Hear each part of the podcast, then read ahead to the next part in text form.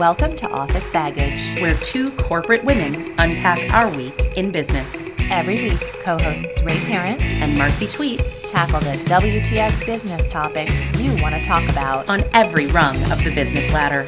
Bring your baggage. We'll unpack it.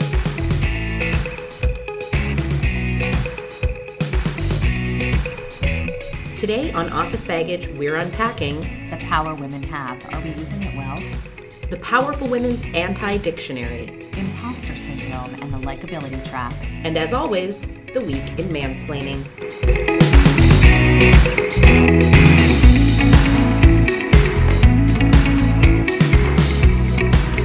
Hey Ray, Hey, Marcy. happy Friday. Right back at ya. How you doing? I am living the dream. I just I just discovered I just discovered breakfast burritos.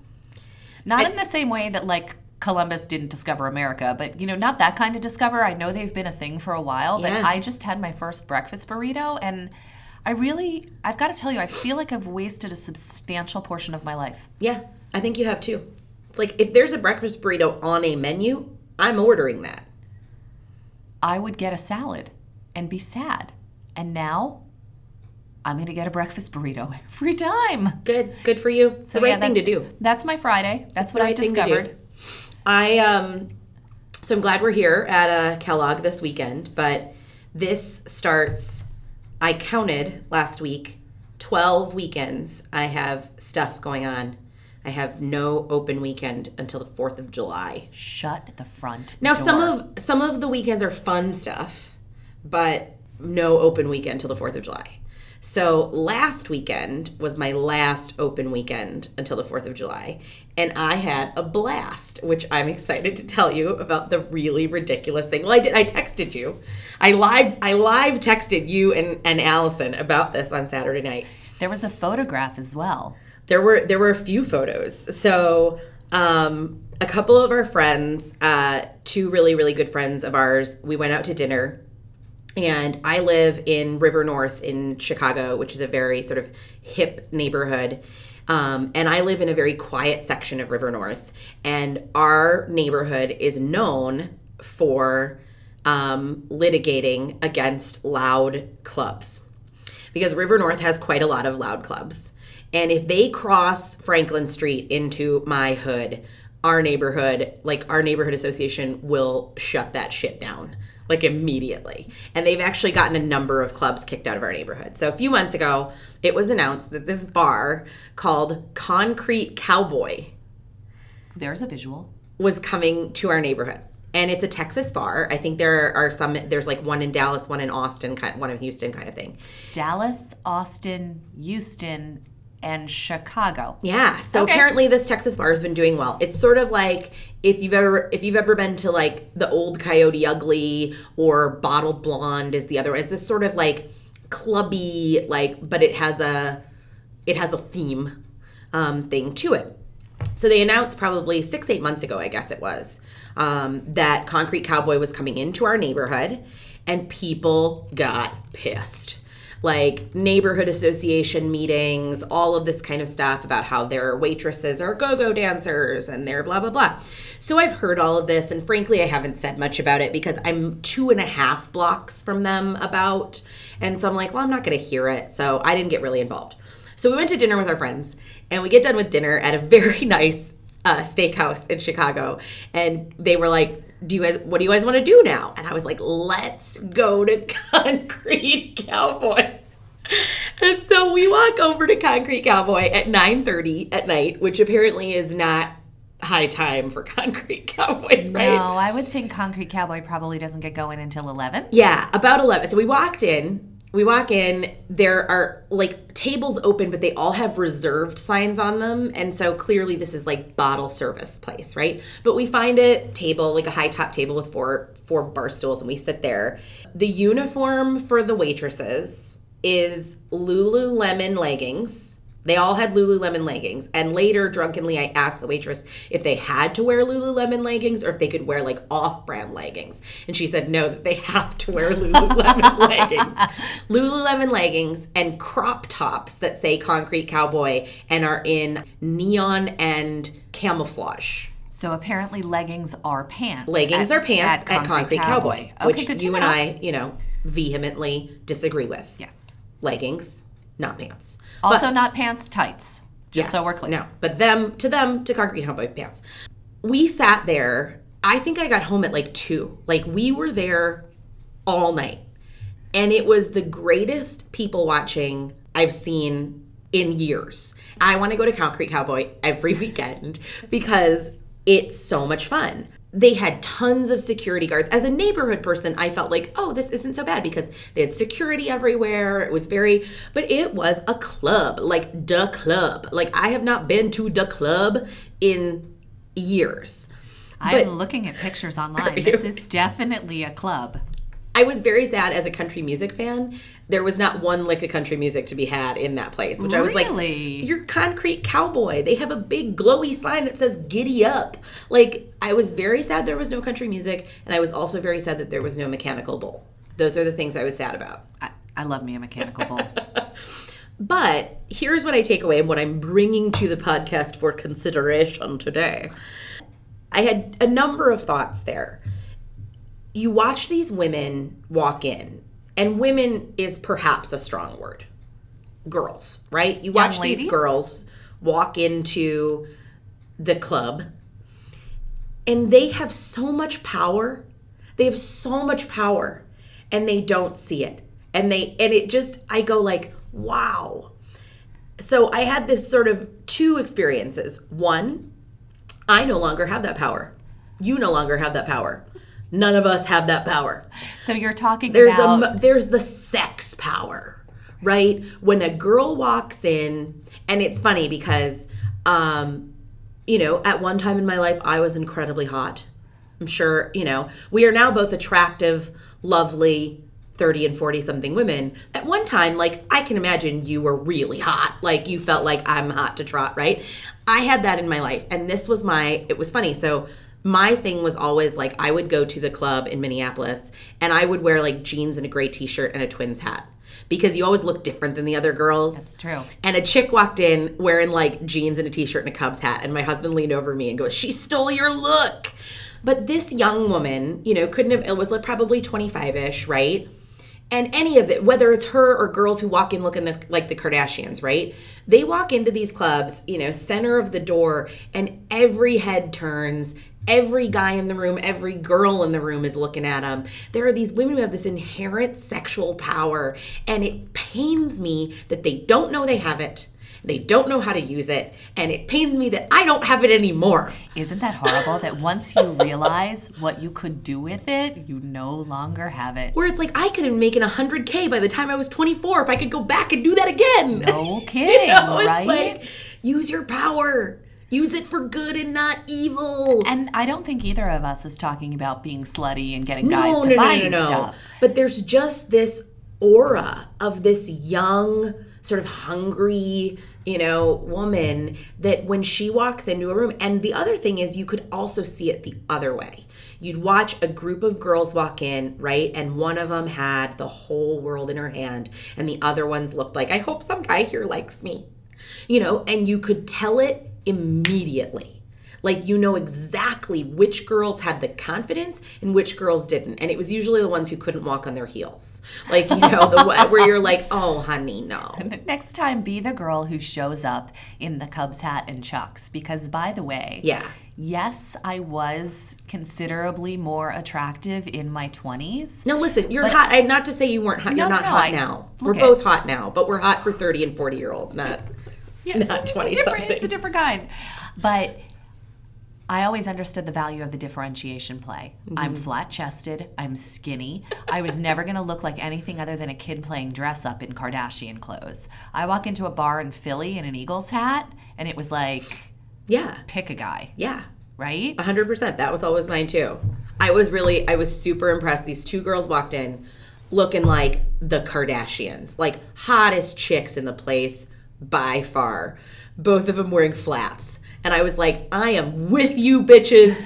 You are like, I, those girls came to play. Like, they were there. They knew exactly what they were doing, and they were not messing with the heels to get it. They were drinking. They had on the like dancing. Hervé Leger dresses with like a flat, and I was like, I freaking love you. That's amazing. But it's just it was this notion for me, and I, it brought up a lot of thought about power and women's power and insecurity and whether or not you know you're painfully insecure or you feel really powerful and it was really interesting well like like so many things our insecurities and what have you play into the workplace and probably become bigger mm-hmm. than they need to be right I mean, how many times have we felt a little out of our skin or over our skis and felt like we were the only ones that felt that way in a work environment? Mm-hmm. And people feel that way all the time. And I think that's the thing. And what I then watched, and this was the dynamic that I found really people watching interesting, is you would watch these young women walk in with this incredible amount of power. And then you would watch them slowly lose it. So, good example these two women walked in, um, a little older than the crowd, actually. I would guess early 30s, and super good looking women, clearly there to party, right? They walked in, they sort of took their spots at the bar kind of thing, and very quickly like attracted a group of men, like a group of four or five men who were together. And the guys, you we were sort of watching the guys buy them drinks and whatever, and they seemed really confident until you could tell that one of them started getting a little more attention than the other. And this was like one of them might be, I don't know, marginally hotter than the other and one of them started getting a little more attention. And I watched this other girl who had walked in with the same amount of confidence as the other woman that was with her suddenly turn into like a desperate looking puppy.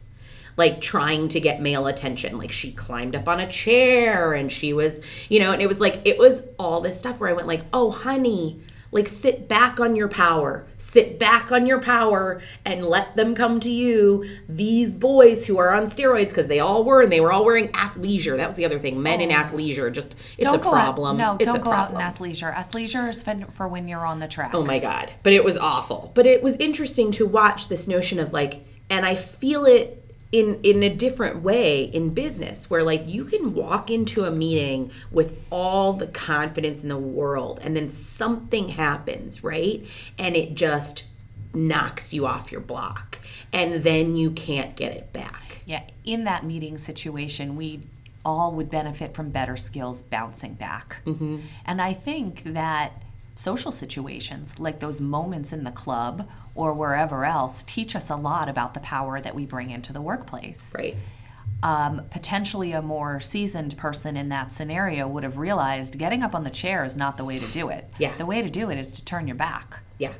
Which, I don't know, might sound a little bit like you're mind fucking someone, but the reality is there it goes back to power. Mm-hmm.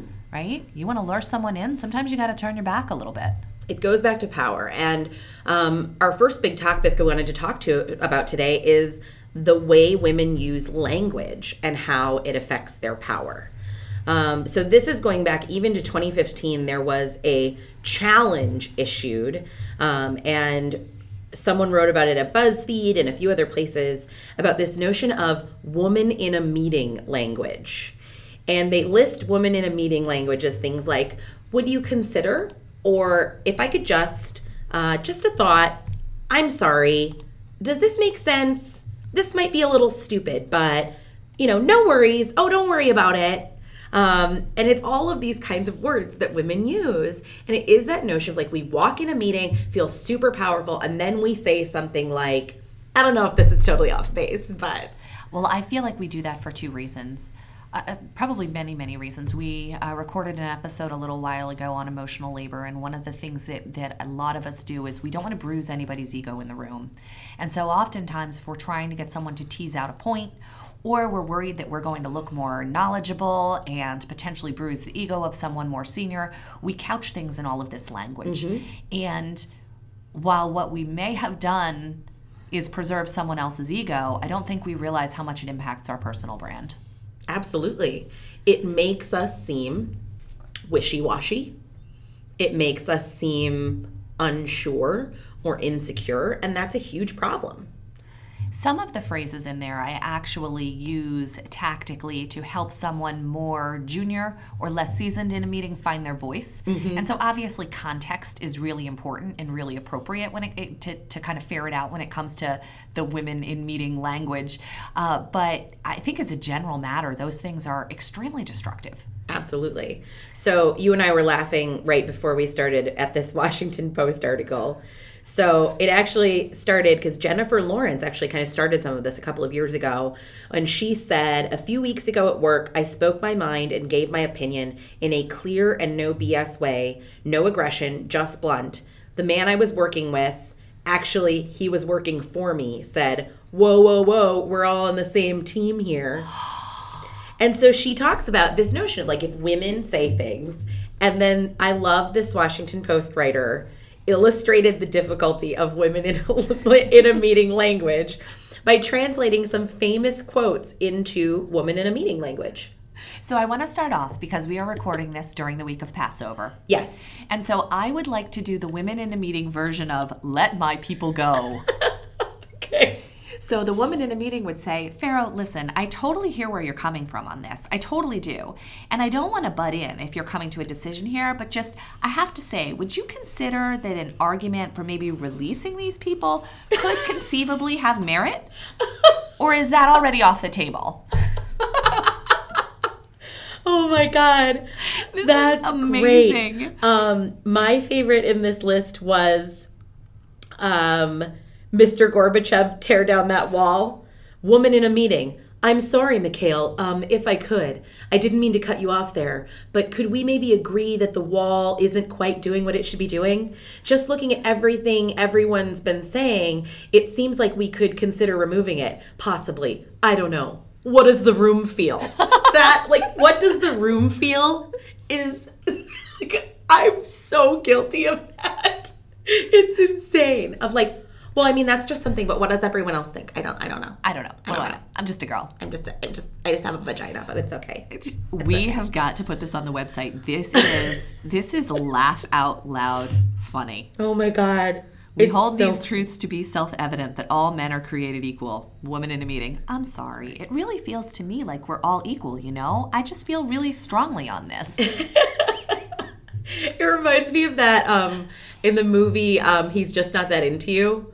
When um, uh, what's her name's character calls the guy and she's like, because like, why does a girl have to wait for a guy to call anyway? Because um, we're all equal, right? Like just she leaves like 15 or 20 messages or something ridiculous like that. Oh, Jen- Ginnifer. Um, Ginnifer Goodwin. Ginnifer Goodwin. She's God, she's so good. She's adorable. I love her and strong and awesome. Yeah, but really we But both really went to how adorable. how adorable she is with her adorable short hair. Even we're guilty of this. We're, We're all guilty girls. of this. But it's interesting because the challenge that then got put out after this article came out was to spend a week not using these women in a meeting language things. And I think um, the BuzzFeed article, the woman who's writing about this, had a lot of difficulty with it. You know, and even one of the things she talked about was when she stopped using exclamation points, she felt bad. Like she felt like I'm being a jerk because I'm not saying like great exclamation point.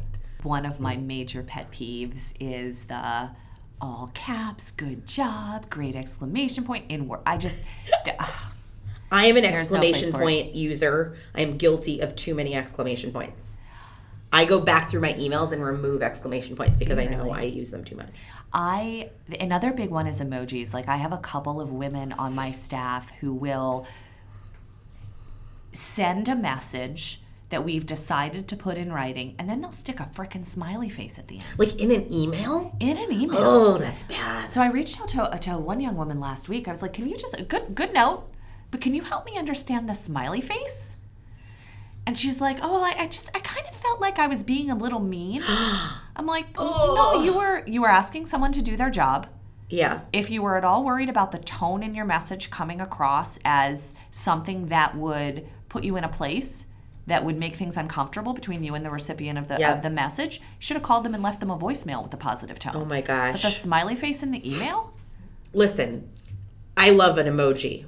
you know I love a good emoji. Our fat chick token Jew emojis are like my whole life. And I've literally lost probably about seven days of productivity since I discovered Bitmoji. Oh my god.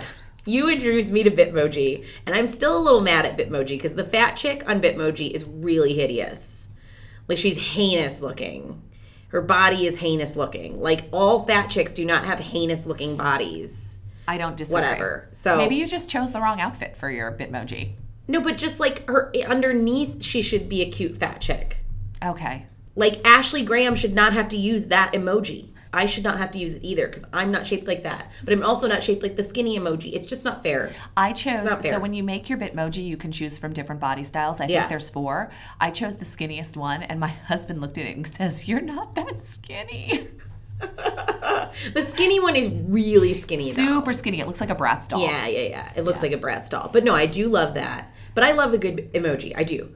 Text and maybe I am at work, but only with like your peers and people who are like underneath you. Never never emoji I am someone above you. The um we have Skype for business in my office and Skype for business has a banging your head against a wall emoji and it actually moves. We have it too. It's my favorite one. I love it. I use it regularly. I also use the vomit emoji regularly. But again, never with people who are higher than me. Only with people who are on my level or my my team. I don't Skype for business anybody who's um, more senior than I am Mm. in the company. I do that much more with my team. It's an emoji free for all. Yeah. But um, one of my mentors and I will exchange texts, and it's just a there's there's definitely some emojis. Yeah, shake- text- Shaking anytime you're on text. and face palm come up a lot. Yeah, text is emoji, like you're totally able to emoji. But in email, never an emoji. Never an emoji. I don't disagree. yeah. I, also, because some of the email emojis just look derpy. Yeah. And if you're, unless you're, I don't know, I guess it's like I would do like a winky face if I were making a joke to someone like that I was close to. But again, not in like an official email capacity. Right. No, no disagreement on that. Those are, those are good. How do we get on that topic? Um, that's a good question. We were we were talking about language for women, things you should not use. Oh, that makes sense. no, so I think moving on, the other article we wanted to share in this notion of like language for women and power for women was so interesting to me. Um, woman named Evin Shutt, who is the COO of the company 72 and Sunny. Um, so like big startup, great company, talks about how she was really insecure in her own this isn't a fortune article so this is her own perspective. Talks about how she was feeling sort of secure and it took a man a good man her boss matt jarvis who's their ceo trying to sort out what she should do and he said and i loved this quote he was like oh right you're still at the point where you think everyone knows what they're doing. Guess what? No one knows what they're doing. And the sooner you take the stance, the sooner you'll be able to navigate through the world's changes and doors will open for you. And I loved that. I love that quote. Like nobody knows what they're doing. But it is, we live in this world, women live in this world too. We don't think we know what we're doing. So we use words like maybe I'm off base here or just a shot in the dark or all of those kinds of things because we don't think we know what we're doing. But as soon as we realize that no one knows what we're doing, end your sentences with periods, start your sentences with de- declarative statements, it will make a difference. You're extremely right. I had an epiphany probably about two years ago. And look, we all read Lean In and we Yeah. all read about imposter syndrome and Lean In. And I think that had a lot of us scratching our heads like, oh, it's not just me, it's even people that are super senior. I think the interesting thing is, we will, I- thought that was women feel like imposters when there are elements of our job that where we're learning. Right? Right. Um, I don't think men feel like they're imposters. I don't think men feel that lack of comfort. I actually had a very senior male mentor say to me once that he feels the same way sometimes. Yeah. He feels out over his skis. He feels like an imposter. He actually said, I'm waiting for people to figure out that I don't know what I'm doing. Oh, Now, of course, when we say this, we're not talking that we that, that we don't know anything about what we're doing, but we all have those moments. And I think those are critical moments in a healthy career. Good for him for telling you that. I though. know, right? You know you're in the right place. You know you're in the right job. You know you're in the right room when you feel a little out over your skis. Mm-hmm. When you have those moments where you're like, uh, what the hell do I do now? Well, this is That's we growth. talked about this in the last episode of of um, you know me being uncomfortable that my husband's potentially taking a risky job. But a dear friend of mine said to me once, best best career advice I've ever received is never take a job that doesn't scare the shit out of you. If you are doing the thing that scares the crap out of you, you're in the right place. you're in the right place and you're growing some of the some of the best career advice that it was a revelation for me when I learned it and it's you know how you have those moments where you're like oh my god I found the secret to life Yeah. I spent so much of my career thinking I had to have the answers for everything mm-hmm. And one of the things that I've realized that is incredibly powerful and really helps you build your brand and build trust and increase transparency is when you say you know what I don't know mm-hmm. I don't know or when you ask questions Yeah. and it is so fundamentally simple, but it's the coaching advice that I give out most often. Because oftentimes I will have women come to me and say, I'm going into this big meeting. I've spent four days preparing. I need to know every number from top to bottom. No, you don't. Mm-hmm. You don't need to know everything. You need to know 80%.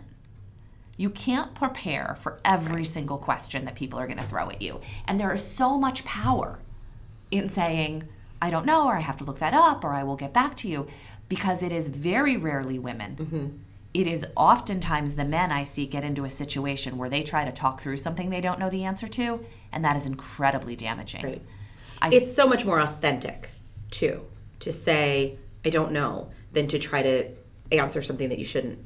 And where women need the coaching that I find, that the women that I work with, they need the coaching around how to say I don't know with authority and confidence. How not to say, I'm sorry, I don't know. I'm sorry, I didn't, I didn't look at that. No, but I don't know, I'm going to get back to you. What they should say is, sorry, but I'm not sorry. Exactly. no, don't do that. Don't do that. Skip that part. Say that in your head. We all have this notion in our heads, and it's it's taken me. It's interesting the places in your life where you feel yourself age. Um, like I feel like from 20 to 27, I was pretty much the same person. But I feel like from 27 to 33, I've aged decades. And when I go back, I remember um, one of my first couple of jobs out of college. I I grew up in a really small town. I had no women in business role models other than like Melanie Griffith and Sigourney Weaver in Working Girl, right? And um, Which one did you want to be like? sort of like a combination of both. Oh, really? So I was obsessed as a kid. Um, Because I wanted to be like the bad boss. Yeah. So my my book is dedicated. My book was dedicated to Melanie Griffith, Diane Keaton, and Dolly Parton. Because they really were, for my whole childhood, I had this dream of working in big business. And the movies Working Girl, Nine to Five, and Baby Boom were my whole life. Baby Boom, especially. And the beginning of Baby Boom, there's a voiceover of Diane Keaton walking down the street in New York. And they say, This is JC Wiatt. She works five to nine. That was one of the things that was, she works five to nine. And they call her the Tiger Lady. And I grew up my whole life being like, that's what I want. Like, I want to be the tiger lady. I want to be, you know. So I didn't want to be the mean boss Sigourney Weaver, but I did want to be the tiger lady. And I desperately wanted to work in merger, mergers and acquisitions because of Working Girl, but it's a whole thing. But the early part of my career, anybody who worked with me in the first, and I'm glad because I got ahead really quickly in the first five, seven years of my career. But anybody who worked with me during that time would not today be afraid to say, I was harsh. I tended to be very black and white. I plowed through a lot of people. I've learned a lot in the last five or six years about tact and, frankly, a little bit about likability. And that it's okay to want to be liked, and it's okay. You don't have to just be this like business minded, focused person. I struggle with this a lot, um, just philosophically, because do I think it's bullshit that there is an inverse relationship between a woman's likability and her ambition or her success. Absolutely. Yes, I think it's bullshit. And do I hope it changes? I absolutely do. But the reality is, it is one of the many things that we have to balance mm-hmm. and that changes as we move up the career ladder. It does, but I think it's getting better. So, Hillary Clinton talked about this last week in a speech at the Women in the World conference about this inverse correlation between likability. I really think, and maybe it's generational, um, but I also have a lot of hope. Um, you know, I'm a I am a Clintonite to the end of the world, and Bill Clinton said there's nothing wrong with this country that can't be fixed by what is right with this country. I believe there is nothing wrong in corporate America that cannot be fixed by what is right with corporate America, and for me, so we talked about this on a couple podcasts ago. I gave a really big speech at a, a, major conference recently. And a woman walked up to me afterwards and she gave me a compliment that was so meaningful to me and then was so meaningful to my boss that both of us sort of had to take a moment and pause about it. She said, It was so wonderful to see two women, because it was me and a, a colleague, two women up on stage who were so clearly competent and confident and shrewd in what they do, but they were also warm and likable and funny.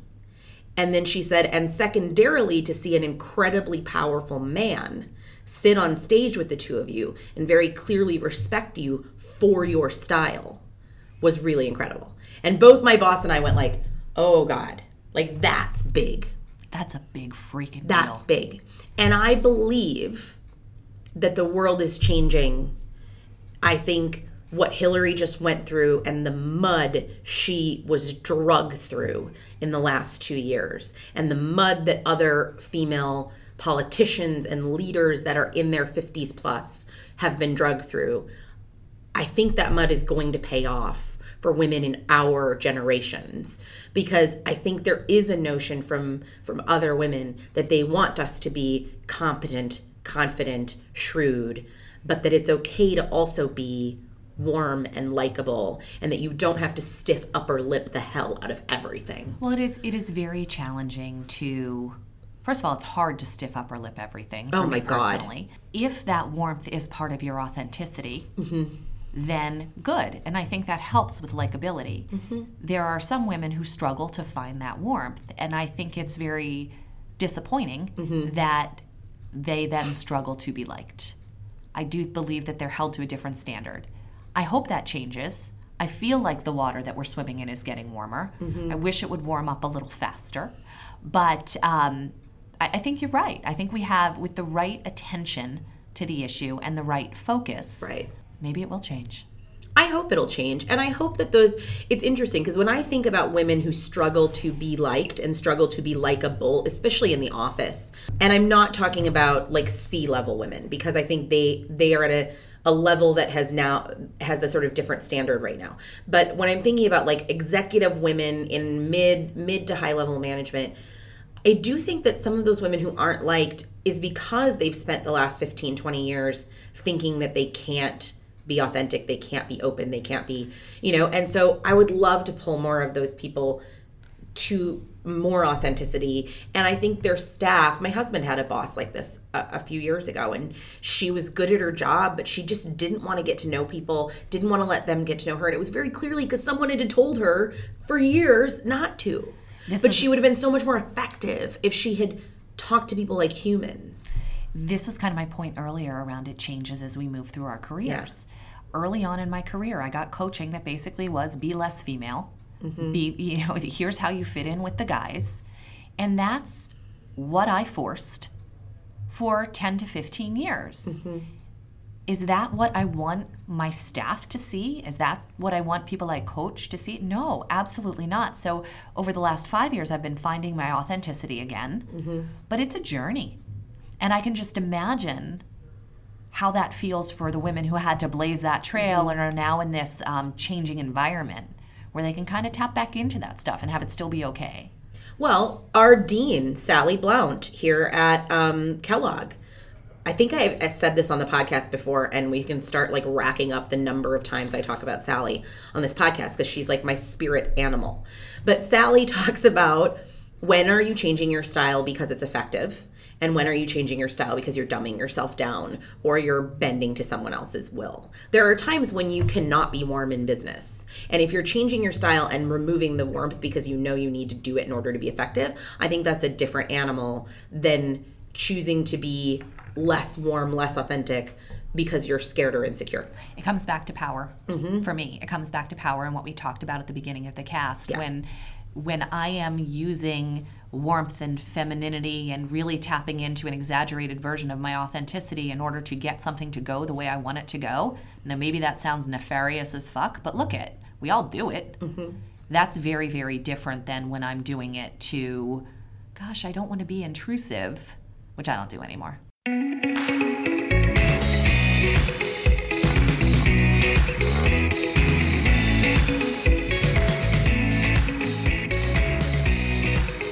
Actually, the week in mansplain. My mansplain for the week actually is very similar to what we were just talking about, which is changing your style to be effective. And I was in a meeting with a group, and a man in that meeting was hands down inappropriate. He said some things that were inappropriate. I thought he was rude. I thought he was in I I don't even know another word to use it. And afterwards, I was having a conversation with some of the leaders of that meeting, um, myself being one of them, and I expressed concern over this person. I said, I'm concerned that he's, you know, damaging some of the feeling in this group. I'm concerned that he's and what I got was like, oh, that's just that's just his personality. He's just brusque. He's just brusque. That's who he is. And it the mansplaining part of it was that person, that leader saying to me like, "Don't worry about it. He's just brusque." Like, no, I get that he's brusque. That's the point. I'm telling and they're like, "Well, that's just his personality." No woman who was an asshole in a meeting would ever get excused from that meeting by saying like, "Oh, she's just a bitch." Don't worry about Marcy, she's just bitchy. The woman would get talked to. The woman would get dealt with. But when a man acts like a jerk, he I get mansplained of he's no, he's just brusque. He's just and and are you you're being a little too sensitive, aren't you? Yes.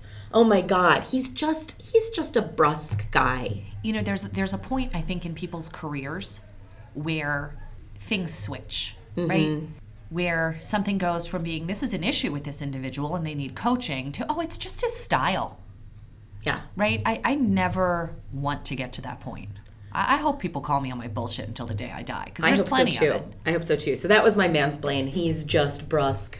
So I was at a work function earlier this week, and it, uh, there was a like a you know cocktail hour before the dinner or whatever. And you know me, I hate me. This is awful. I hate meeting new people, which really isn't true.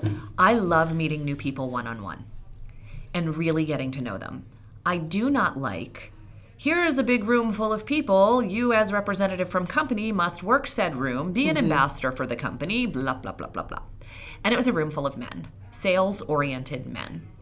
So, safe conversation. Oh, where'd you fly in from? Blah, Right. blah, blah. So I'm like, yeah, I live in New England, but I'm originally from Philadelphia. And look, everybody likes Philadelphia. All men like Philadelphia. Great food, the movie Rocky. Um, That's so funny. Overall chippy irreverence. Like, Philadelphia's a great city. Yeah.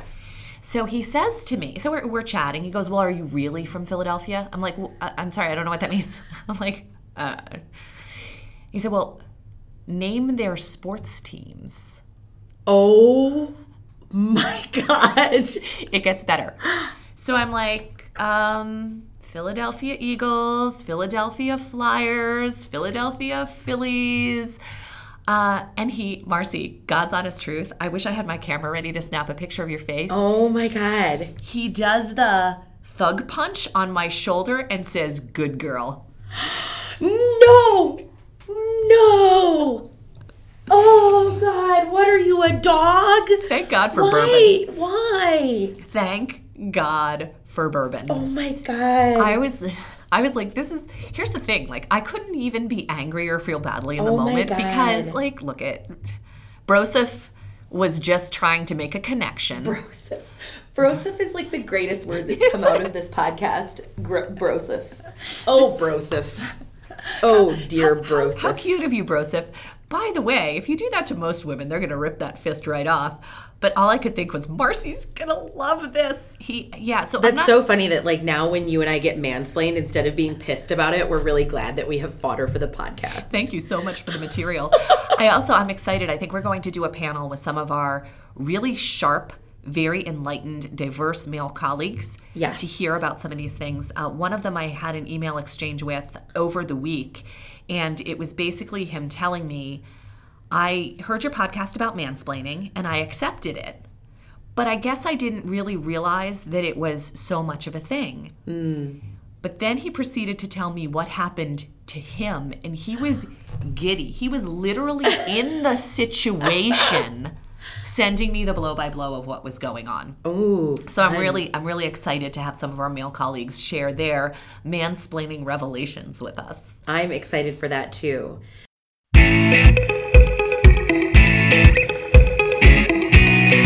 For all of those of you listening, if you have questions for men, this is something we intend to do regularly. We have this incredible built in group of men um, who are in our MBA class with us. So if you have questions for men, send them to us at info at officebaggage.com. And as always, find us online at officebaggage.com and anywhere iTunes, Stitcher, podcasts are found. Have a great week. It's like, come pet a unicorn, like talk to a real man. Talk to a real boy, Pinocchio. He's here. Oh my god. It's gonna be fun. It's gonna be super fun.